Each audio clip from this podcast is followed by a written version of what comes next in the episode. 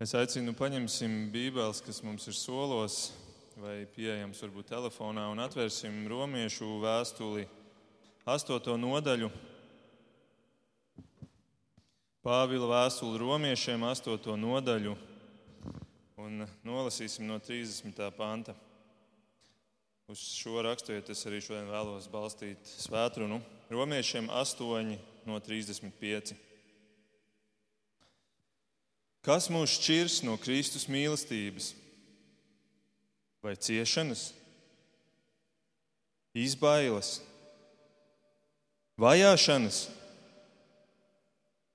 pats plikums, briesmas un zobens? Gluži kā ir rakstīts, tevis dēļ mēs ciešam nāvi, augu dienu mēs tiekam turēti līdzīgi kaujamajām avīm. Nē, Nē, visās šīs lietās mēs pār pārim paliekam uzvarētāji, tā spēkā, kas mūs mīlējis. Tāpēc es esmu pārliecināts, ka ne nāve, ne dzīve, ne eņģeļi, ne varas, ne tagadne, ne nākotne, ne spēki, ne augstumi, ne dziļumi, nekāda cita radīta lieta mūs nevarēs šķirt no Dieva mīlestības, kas ir atklājusies Kristū Jēzu mūsu kungā. Debes Tēvs, paldies par šiem vārdiem. Paldies, ka Tavs vārds ir patiesība, mēs to ticam, un patiesība var darīt brīvus, patiesība var darīt dzīvus, patiesība var sēt sēklu, kas nes augļus, un to mēs lūdzam šim laikam, kurā mēs vēlamies pārdomāt šo Tavu vārdu. To lūdzu Jēzus vārdā. Amen. Lūdzu, sēdieties!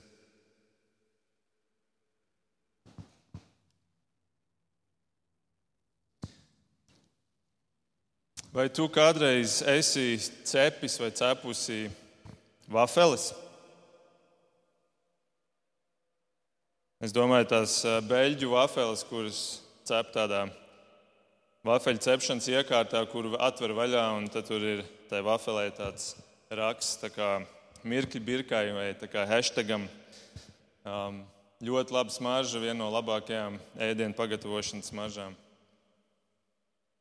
Labi, bet vai tu esi mēģinājis vai mēģinājusi cept arī ķēdes? Cik daudz no jums ir cepuši ķēdes? Beidzot, ir iespēja latviešiem nepacelt roku un, un parādīt, pateikt patiesību. Varbūt izklausās pēc tāda neloģiska jautājuma, bet patiesībā tā ir realitāte. 1972. gadā Nike līdzdibinātājs Bills Bowermans izdomāja aizņemties savas sievas vafeļu cepšanas iekārtu, un tik tiešām viņš uzcepa ķēdes, respektīvi viņš paņēma un uzcepa savām jaunajām ķēdām zoli. Viņš radīja jaunu, jaunu veidu skriešanas apavus, ar šo vafeļu raksta zoli, kas ļautu sprinteriem uzlabot ātrumu un saķeri ar, ar virsmu, pa kuriem viņi skrien. Zola bija ļoti izturīga, ar, ar izcilu saķeri, un vienlaikus viņa bija ļoti viegla. Mēs varētu teikt, superķēdes. Viņš radīja superķēdes. Un Nike saražoja 12 šādu ķēdu eksemplārus 1972. gada Olimpiskajām spēlēm.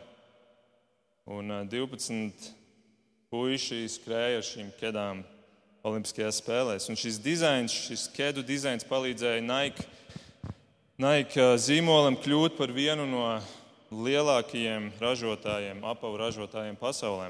Es domāju, šo zīmolu jūs visi arī pazīstat arī šodien. Turklāt šo ķēdu nospiedums atgādināja to nospiedumu, kas trīs gadus pirms šī izgudrojuma um, bija atstāts uz mēnesi, tad, kad Nils Armstrongs izkāpa no sava lidaparāta un iekāpa iekšā mēnesi putekļos. Un, uh, ir fotografija, kurā ir uzņemts šis kadrs, kā izskatās šī, šis nospiedums. Un tāpēc cilvēki šīs ķēdes nosauca, ja iedeva viņiem tādu leģendāru nosaukumu - mēnesis apavi. Mēnesis apavi. Lūk, superķēdes, mēnesis apavi, izceptas vāfeļu cepšanas iekārtā. Jo kādam cilvēkam šim Bilam bija ģeniāla ideja. Viņš izdomāja, ka viņš grib kļūt radošs, viņš ies kādu citu ceļu. Un tā tāpa šīs kurpes, kas tika izvestas cauri krāsnes karstumam, kas aizveda līdz uzvarām un kas atgādināja par debesu dimensijām šie mēnesi apavi. Un domājot par mūsu šo septembra sēriju, par šiem Baptistu draugu 160 gadiem, Ilmārs Hiršs ir sagatavojis šo aprakstu četrās daļās, un šodien ģirds nolasīja trešo daļu. Un šodienas aprakstam Ilmārs ir devis nosaukumu Dzīvot spēja un radošums. Šie gadi, kuros latviešu baptisti ir gājuši cauri lieliem izaicinājumiem, ir prasījuši viņiem būt izturīgiem, ir prasījuši viņiem kļūt radošiem, meklēt veidus, kā viņi var savu ticību izdzīvot un šo vēstu nest tālāk līdz cilvēkiem. Un lasot šo stāstu par šo naika globālo uzvaras gājienu, aizsākumiem un šīm ceptajām kedām un šo radošo pieeju, man likās tik skaista ilustrācija, kuram ir gājuši cauri arī mūsu priekšteči. Ģirta lasījuma beigās bija pieminēts šis dieva kausēšanas krāsnes, dieva kausēšanas krāsnes, kurai ir vēsta cauri mūsu priekšteči. Un nevien baptisti, bet kristieši kopumā. Un, un šķiet, ka tam, kam viņi ir gājuši cauri, ka tur ir bijušas vajadzīgas kaut kādas, nezinu, kājās superķēdes, ar kurām Dievs viņus izvestu cauri šīm ugunskarstumām un vestu šīm uzvarām, kuras ir, kuru augļus mēs vēl šodien varam šeit baudīt, un kas vienmēr ir atgādinājuši par skatu uz debesīm. Šāds garīgs ķēdes ir noteikti bijuši uzvilkts kājās tiem ticības varoņiem pirms mums, tiem vīriem un sievām, kas turējās pie ticības kristuma, kamēr pa pasaule alleži ir mēģinājusi apturēt viņu darbu. Alleži ir mēģinājusi apkopot savus spēkus, lai panāktu, ka šie cilvēki beidz darīt to, ko viņi darījuši, ka viņi tiktu nošķirti no šīs ticības dievam, ka tas tiktu apturēts un ka viņi tiktu nošķirti no Kristus mīlestības ka tiktu radīti tādi apstākļi, kas viņiem liktu izvēlēties, atteikties no Kristus mīlestības un, un palikt pie, pie tām ērtībām, kuras bauda tie, kuri neiet Kristus ceļu. Pasaules spēki ir centušies apslāpēt Kristus mīlestību, apturēt, apspiest, nopūst to uguns liesmiņu, lai tumsai, iestājoties kristieši, pateiktu, es esmu gatavs šķirties no Kristus mīlestības. Un tas notiek gadsimtiem ilgi, tas nav tikai 160 gadu pagātne Latvijā, tas notiek jau 21 gadsimtu, kurā pasaule mēģina to izdarīt. Mainās tikai formas un veidi un, un varas, bet mērķis paliek nemainīgs. Šķirt ticīgos no šīs Kristus mīlestības, kas viņus dzēn uz priekšu. Bet jautājums ir, vai tas ir iespējams? Tas ir šodienas jautājums, vai tas ir iespējams? Un viens no Bībeles autoriem ir uzdevis tieši šo jautājumu. Un tas ir apstults Pāvils, un tā ir raksturvieta, kur mēs izlasījām ievadā. Un es vēlos, ka jūs arī paturat vaļā šo tekstu, lai mēs varam iziet cauri un, un pasakot līdzi. 35. pantā viņš uzdod šo jautājumu: Kas mūs šķirs no Kristus mīlestības? Savā ziņā varbūt tā ir tāda, jau tāda retoriska forma, bet viņš saka, kas mūs šķirs Un atbildot uz šo jautājumu, Pāvils mūs ved cauri. Es gribētu, ja jau mēs runājam par radošumu šodien, ne, tad arī tādu mēģināt tā bišķiņu radoši pieiet, arī jūs tā mēģināt iztēloties, ka Pāvils mūs ved cauri tādam ceļojumam, kurā pirmajā daļā viņš mūs vedīs strauji lejup no kalna. Un tad viņš mūs aizvedīs līdz pašam zemākajam punktam, kas ir nāves ielai. Un tad tur mēs ieraudzīsim kaut ko spožu, un tad beigās mēs varēsim vērst savu skatu atpakaļ augšup. Tad varētu teikt, ka trīs posmi šai, šim ceļojumam - ceļš lejup, tad būs uzvara un tad būs skats augšup. 35. pantā tātad sākās šis ceļš lejup, kur Pāvils mums uzdod šo jautājumu, kas mūs šķirs no Kristus mīlestības? Vai ciešanas, izbailes, vajāšanas, pats plikums, briesmas vai zobens? Pāvils uzskaita tātad lietas, ar kurām pasaule cenšas no kristieša panākt atteikšanos no šīs neizdevīgās sekošanas Kristum. Varētu teikt, tā, ka tā ir tā tāda, tāda, tāda pratināšana, kur tev sākumā piespiež at, atkāpties, un, ja tu nepiekrīti, tad tev pieliek intensitāti klāt, un tad vēl klāt, un vēl klāt. Un eh, šajā sarakstā mēs redzam tādu pieaugušu intensitāti. Ja mēs ļoti gribam, mēs pat varam ieraudzīt Maslova piramīdu. Tātad Maslova piramīda, kura nosaka cilvēka vajadzību pakāpes, kur zemākā pakāpe ir tava, tavas eh, fizi, fizikālās vajadzības, un augstākā pakāpe ir atzinība cilvēku priekšā un tā tālāk. Ja mēs paskatāmies šo sarakstu, atgādina Maslow piramīdu. Pirmais, ko Pāvils saka, ir ciešanas, bet patiesībā tas vārds grieķu valodā nozīmē spiediens, spiedīgi apstākļi. Cilvēka augstāko apmierinājumu līmeni pēc Maslow piramīdas, jeb šo pasīstinošanos, sāk apdraudēt spiedīgi apstākļi, šajā gadījumā Kristus dēļ. Tev varbūt ir laba karjera, tev ir laba slava tev ir atzinība cilvēku priekšā, tev ir labs vārds tavu, tavas neticīgās sabiedrības draugu vidū, tavā, tavā industrijā varbūt. Bet savas kristīgās nostājas dēļ tas viss sāk lēnām brukt, un, un tev jāsāk domāt, vai tu iesi nākamo soli savā, savā ticībā un savā, savu vērtību apliecināšanā. Un tas sāk palikt kā spiedīgi apstākļi, tīpaši šajā izslēgšanas kultūrā, kur arvien vairāk nāk iekšā arī Latvijā. Kur tev sāk draudēt, ka tevi izslēgs no, no tās vietas, kurā tu šobrīd esi. Nākamais, ko Pāvils saka, ir bailes. Grieķu vārds nozīmē patiesībā neziņa. Kā tādu, tu esi tādu neziņu par to, kas notiks nākotnē. Neziņa par nākotni. Tā ir tā tāda neziņa, vai tava ticība Kristum neapraus tavu nākotni, kuru tu šobrīd esi izklājis kā tādu bruģīti, kuru tu iesi. Padomju gados daudz kristiešu, kuri aktīvi darbojās pagrīdē, dzīvoja šo neziņu, ko nesīs rītdien.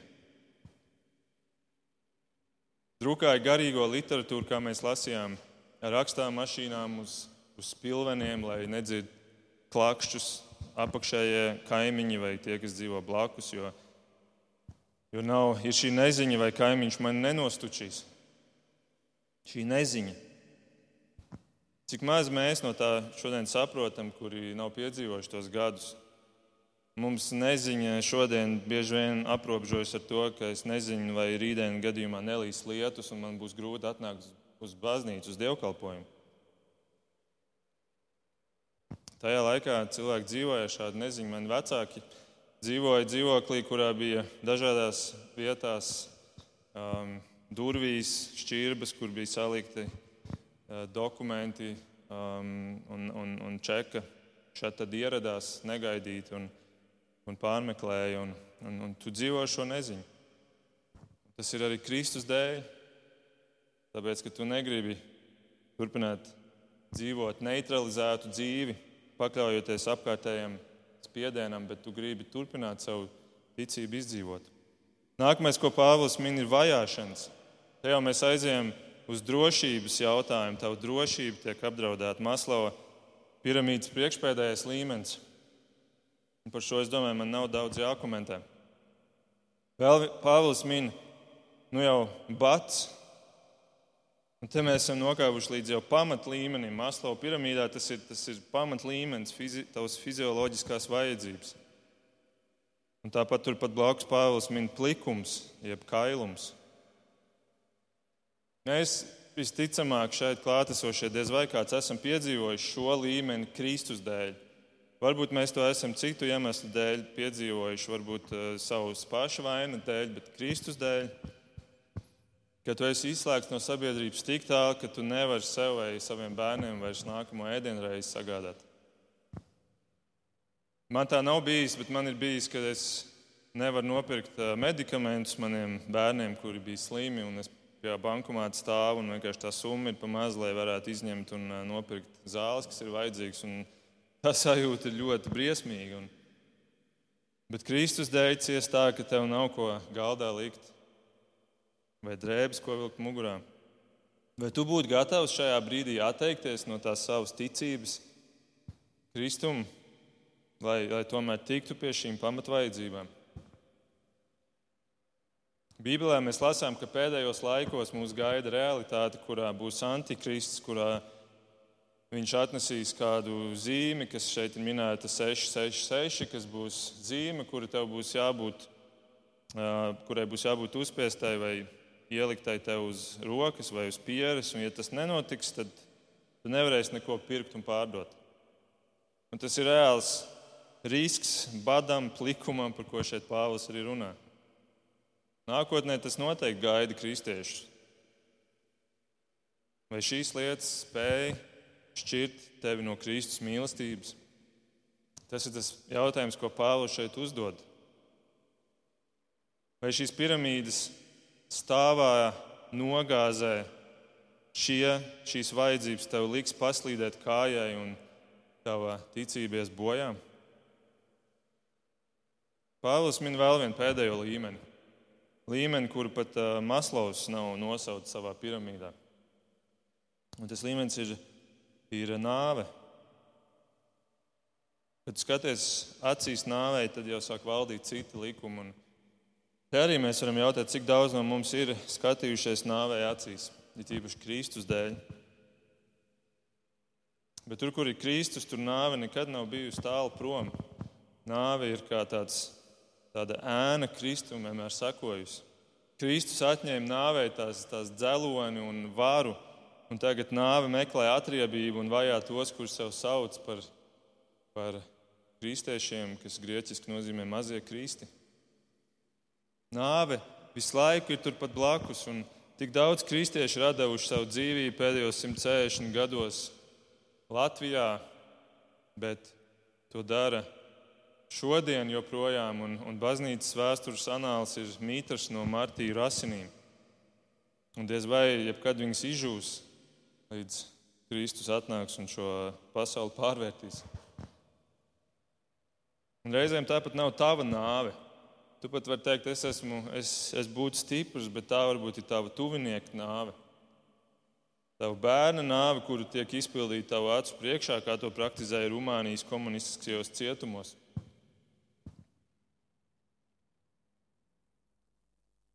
Pāvils šeit 36. pantā piemina, viņš saka, gluži kā ir rakstīts, tevis dēļ mēs ciešam nāvi, augu dienu, mēs tiekam turēti līdzīgi kaujamām avīm.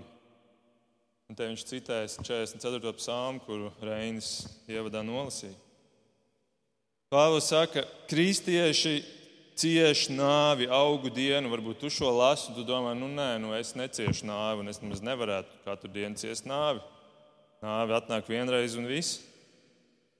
Bet vēsturē, pasaulē katru dienu mēs, kristieši, ciešam nāvi, un mēs esam kā kaujamās āvis, kuras tiek turētas gatavībā, lai tiktu nokauts. Un tā nu vēlreiz šis jautājums, kas mūs šķirs no Kristus mīlestības, Pāvils saka.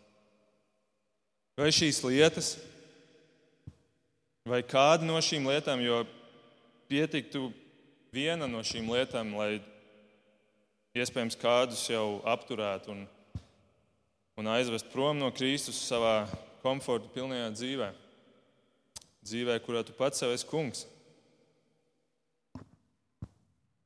Aizvest prom tos, kuri seko Kristum nepareizu motīvu dēļ, kuriem motivācija ir kaut kas, kas ir vairāk uz sevi vērsts. Un, ja man šis sevis, um, šis es, ja tas tiek apdraudēts, tad es labāk eju prom no tās ticības Kristum, jo gal galā jau es esmu tas svarīgākais.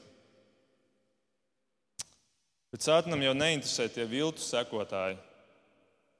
Tie jau tie savu labumu meklētāji, viņi tāpat aizies prom, tad, kad sāks veidoties šie pirmie spaidi.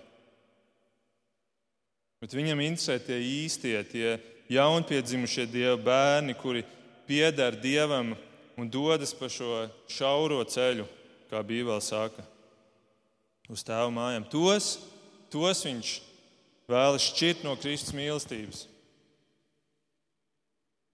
Un visi šie pārbaudījumi, šķēršļi, šī Māslava piramīdas stāvi viens pēc otra, katrs stāvs klusām Pāvēlam čukst pretī. Jā, jā, es šķiršu šos cilvēkus no Kristus mīlestības. Un es esmu daudzus cilvēkus šķīris jau no Kristus mīlestības.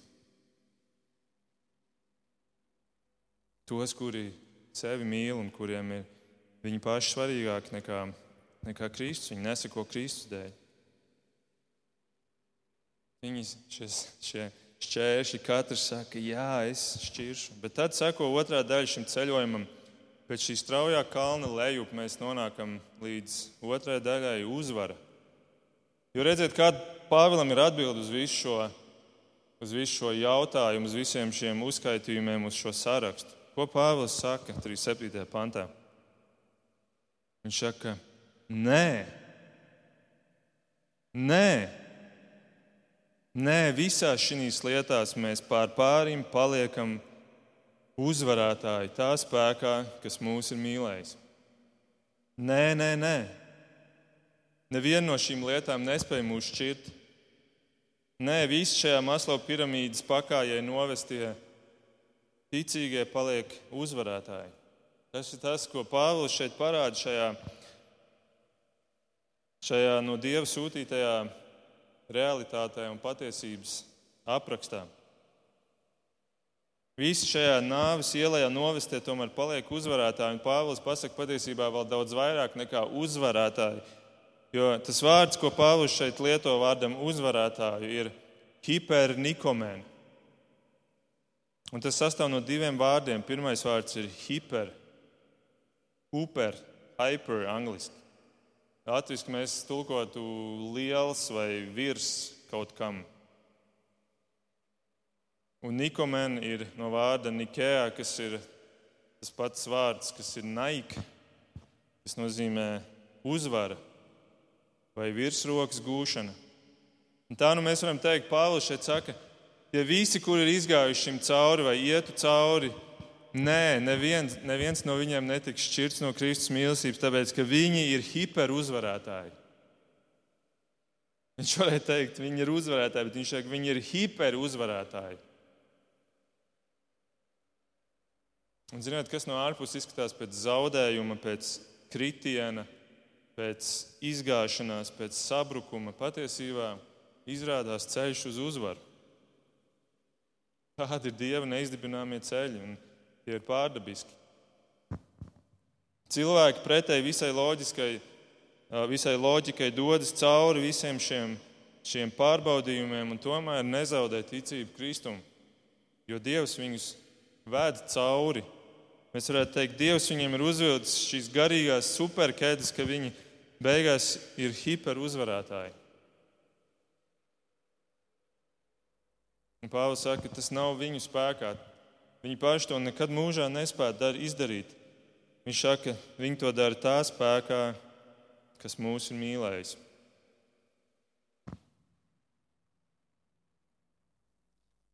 Varbūt tu tagad saki pie sevis, nu jā, Mārkus, tas izklausās skaisti.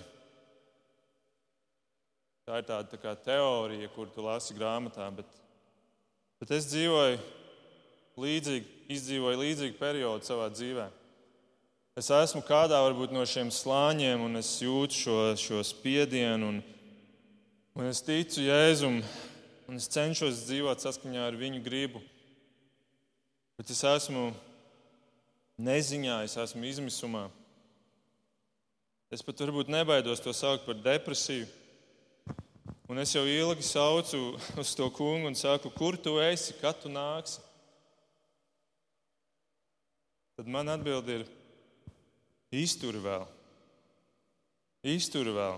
Šis ir tas brīdis, kad tev ir jānotic Bībeles apsolījumiem. Kā tad, ja ne tagad? Šo saka Dievs caur Dievu vārdu, nevis cilvēks.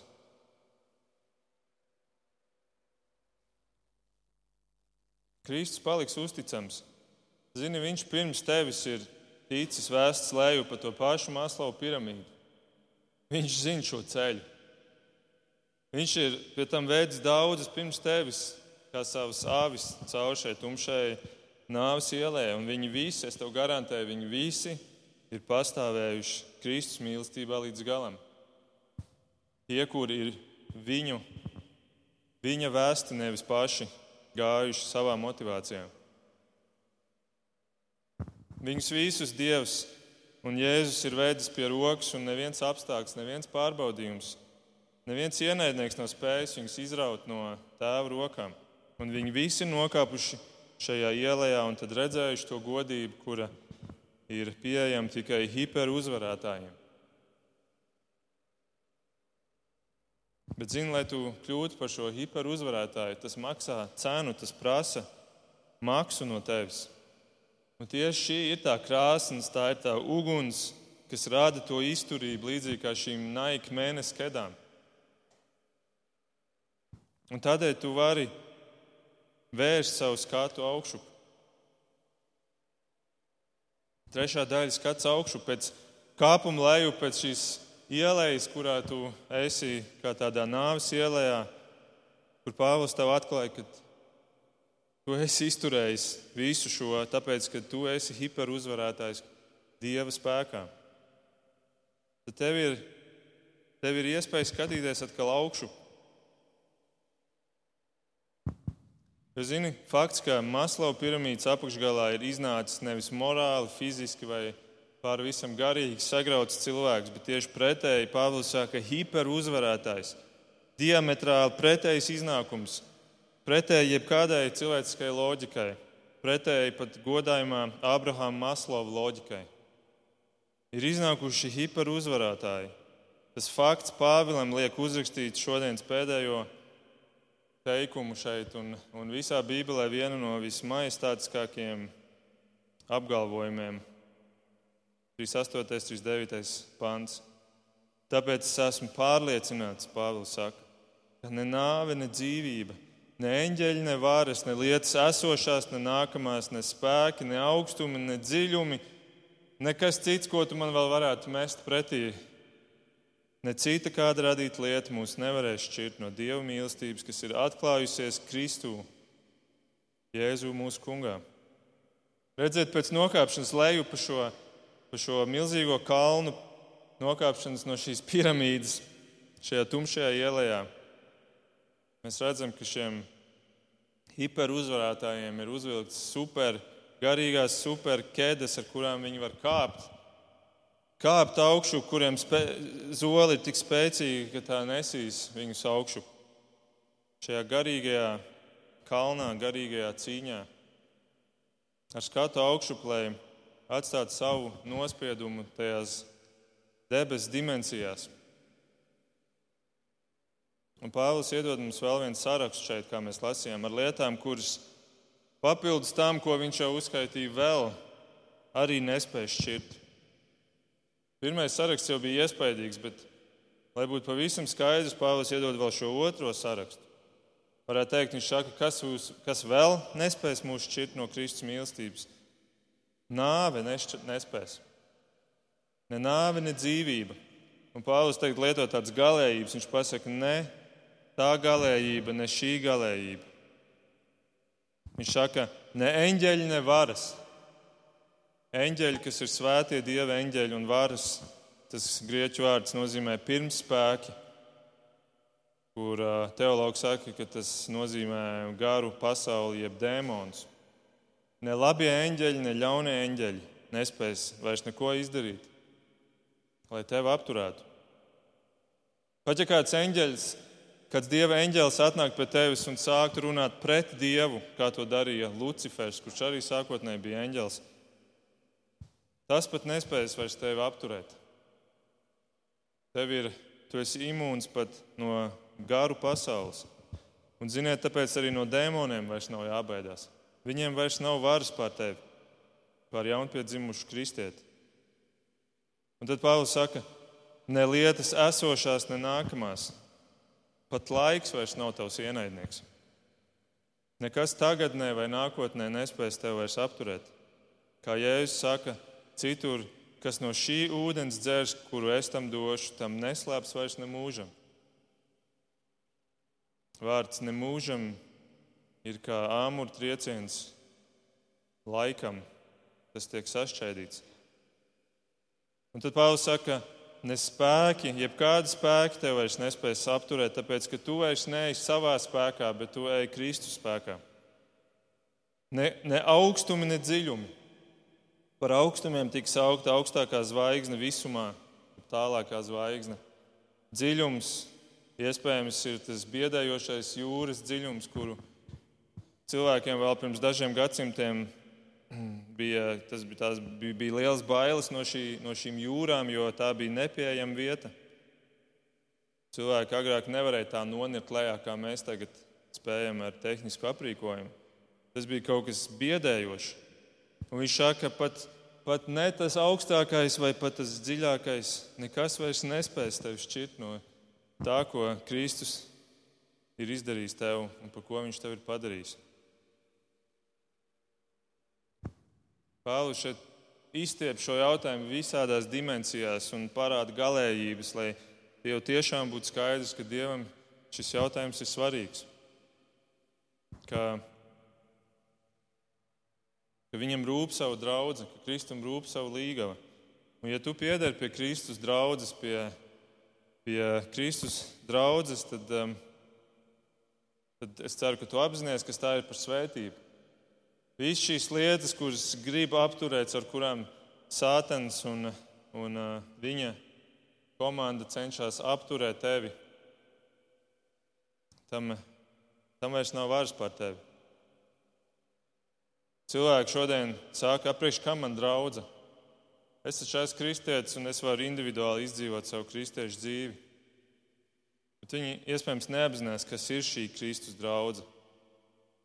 Un ka Jēzus teica, ka šo Kristus draugu viņš parūpēsies, ka pat Ēlas vārti nespēs sagraut un uzvarēt.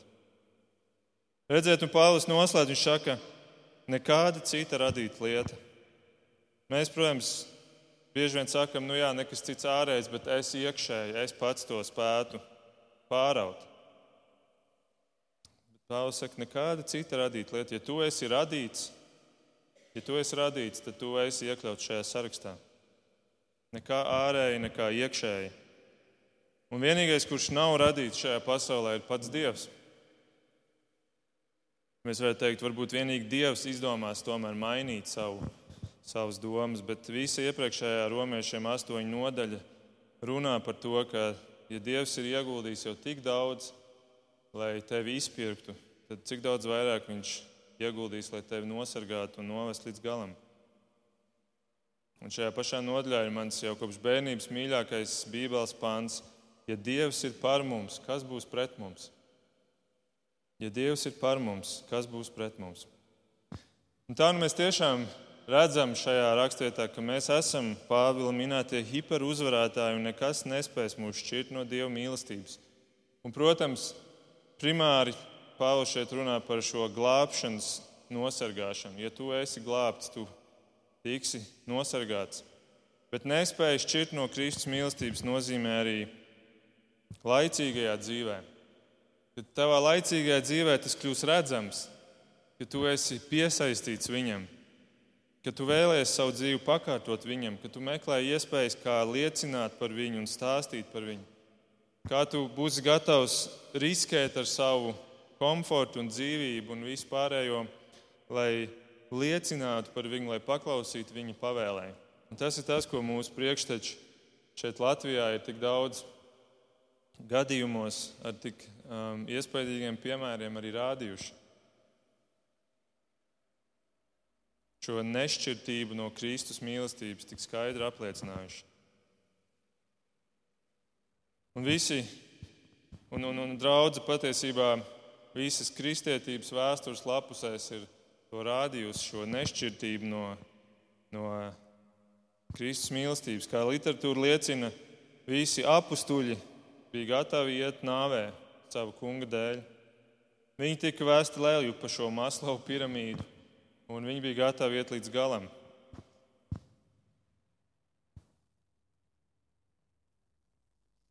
Romā nepilns trīs gadsimtus kristieši vajāja nepārtraukti visādos veidos sūtīja arēnās, izbaroja plēsīgiem zvēriem, dedzināja, bet arī viņi bija hiperuzvarētāji tā spēkā, kas viņus mīlēja. Un viņi tikai nēsa šo mīlestību beigās vairumā, veda to tālāk par spīti visiem ārējiem apstākļiem. Reformācijas gados kristiešus vajāja pat valdošās baznīcas vadītāji. Vīrus kā Mārtiņa Lutera, kurš teica, šeit es stāvu un citādi es nevaru. Arī viņam bija kaut kāds pārdabisks, garīgs ķēdes kājās, kuras viņu nesa cauri visiem šiem apstākļiem. Arī viņš bija hiperuzvarētājs Pāvila vārdiem runājot. Tā spēkā, kas viņu mīlēja, un, un viņš šo vēsti nesa tālāk, un mēs šodien esam protestantu baznīcā. Un mēs lasījām par mūsu priekštečiem, baptistiem, kurus vēda cauri šai leju atkal pa šo, pa šo kalnu, cauri šai ielai.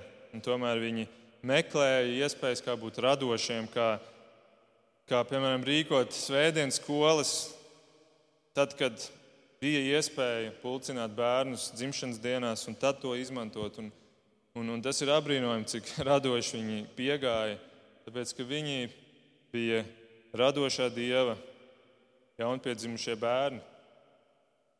Viņi bija hiperuzvarētāji tā spēkā, kas viņus mīlēja, un vēsts par šo mīlestību tikai gāja vairumā caur viņiem un ir atnākusi līdz šodienai. Un šodien daudz to dara. Ziemeļkorejā mūsu brāļi un māsas Kristū tiek vajāti un blakus robežai Dienvidkorejā stāv stāv kristieši, kur gaida pareizos laikapstākļus, kad vējš iepūtīs pareizajā virzienā, un tad viņi sūta hēlī balonus ar bībeles rakstvietām un, un atmiņu kartēm ar audio bībeles ierakstiem un, un sūta šo vēstu saviem brāļiem. Vai Irānā, kur nereti draudzes sapulces nav atļautas, un līdz ar to vienīgā iespēja ir iet pa ielu diviem blakus cilvēkiem un runāt par Dievu vārdu, lūgt, un tas ir viņu dievkalpojums, kā viņi to izdzīvo. Arī viņi ir hiperuzvarētāji, viņi meklē radošus veidus, kā, kā to darīt, un viņi to dara tā spēkā, kas viņus mīlēja. Un arī tur vēsts par šo Kristus mīlestību iet klusītēm plašumā.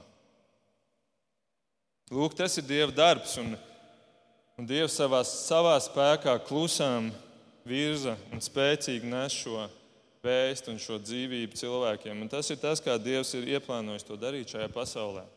Kad Viņš izklāja šīs pasaules vēsturi, Viņš gribēja, lai tas notiek šādā veidā. Un tāpēc nevieni laiki nav slikti, mīļie brāļi un māsas. Nevieni laiki nav slikti, jo visos laikos Dievs turpina darīt šo darbu. Nav tādu sliktu laiku, ir vienkārši laika ar jaunām iespējām. Ar jaunām iespējām, kā cilvēkiem nest šo vēsti. Un Imants Ziedonis ir teicis, laiki nav svarīgi, svarīgs ir cilvēks. Un Dievs rūpējas par cilvēkiem, uztur cilvēkus cauri visām šīm grūtībām. Un, eh, un tie, kur uzticas Jēzum, iziet cauri šiem laikiem, un viņi var būt droši, lai kas arī nāktu. Nekas nespēs viņus šķirt no Kristus mīlestības. Un tā un es tev šodien varētu jautāt, Kā tev ir, ja tu esi hiperuzvarētājs? Vai tev ir kājās garīgās superkēdes? Tās, kuras Dievs ir radījis, kuras ir tik izturīgas, ka viņas ies cauri visiem grūtiem apstākļiem. Ja tev viņas ir kājās, tad tu varēsi iet arī leju pa stāviem kalniem.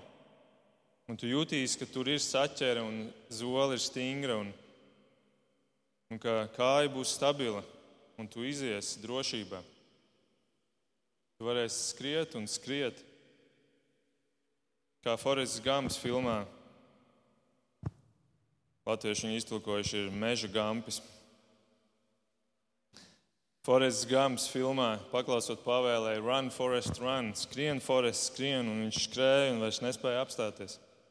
Un pat ja citi no malas skatās uz tevi un iesmēja pa tavām kristiešu kedām, Tas nekas.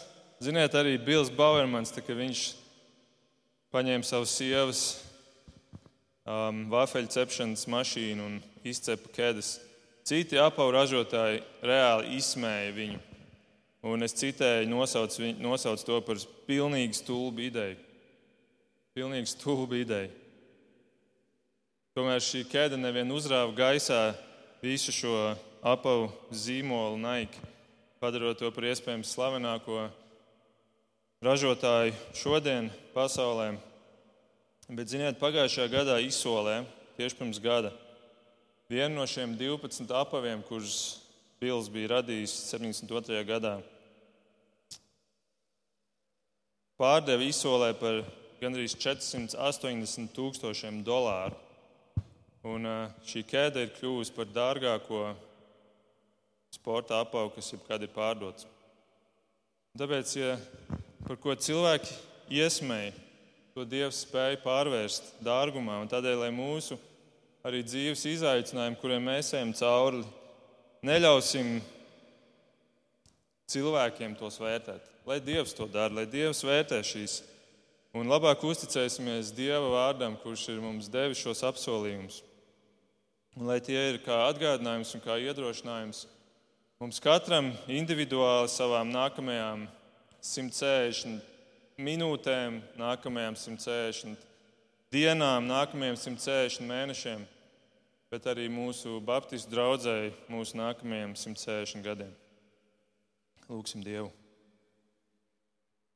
Debes Tēvs, paldies par šo dienu, kurā mēs varam būt uh, ielikti un ka mēs varam atskatīties uz pagātni un redzēt mūsu brāļus un māsas, kuri ir gājuši šo ceļu pirms mums un ir gājuši tik daudziem pārbaudījumiem cauri, un kuri var būt mums par iedrošinājumu, kuri var būt arī mums par atgādinātājiem, ka mēs nesam atbildību nest šo darbu tālāk šodien arī nākamajām paudzēm. Bet vēl vairāk paldies, Kungs, par to liecību, kuru Tu pats esi devis caur Bībeli, caur savu vārdu ka tu esi devis apsolījumus, kuriem mēs varam uzticēties un kuri ir pāri mūsu psiholoģiskajām spējām, pāri mūsu loģikai. Un lūdzu, dod mums ticību, arī kad mēs tiekam vesti leju pa kalnu, cauri grūtībām un pārbaudījumiem, ka mēs atcerētos šos tavus apsolījumus, jo tie ir sūtīti no tevis mums, lai mēs viņus lietotu mūsu ikdienā. To es lūdzu par katru no mums individuāli, un es lūdzu to arī par mūsu draugu, ejot uz priekšu šajā cīņā, ka mēs vienmēr turētu mūsu skatu arī uz augšu un domātu par to, kādu nospiedumu mūsu kāja atstāja tur augšā pie tevis. To es lūdzu tev mūsu kunga Jēzus vārdā. Amen.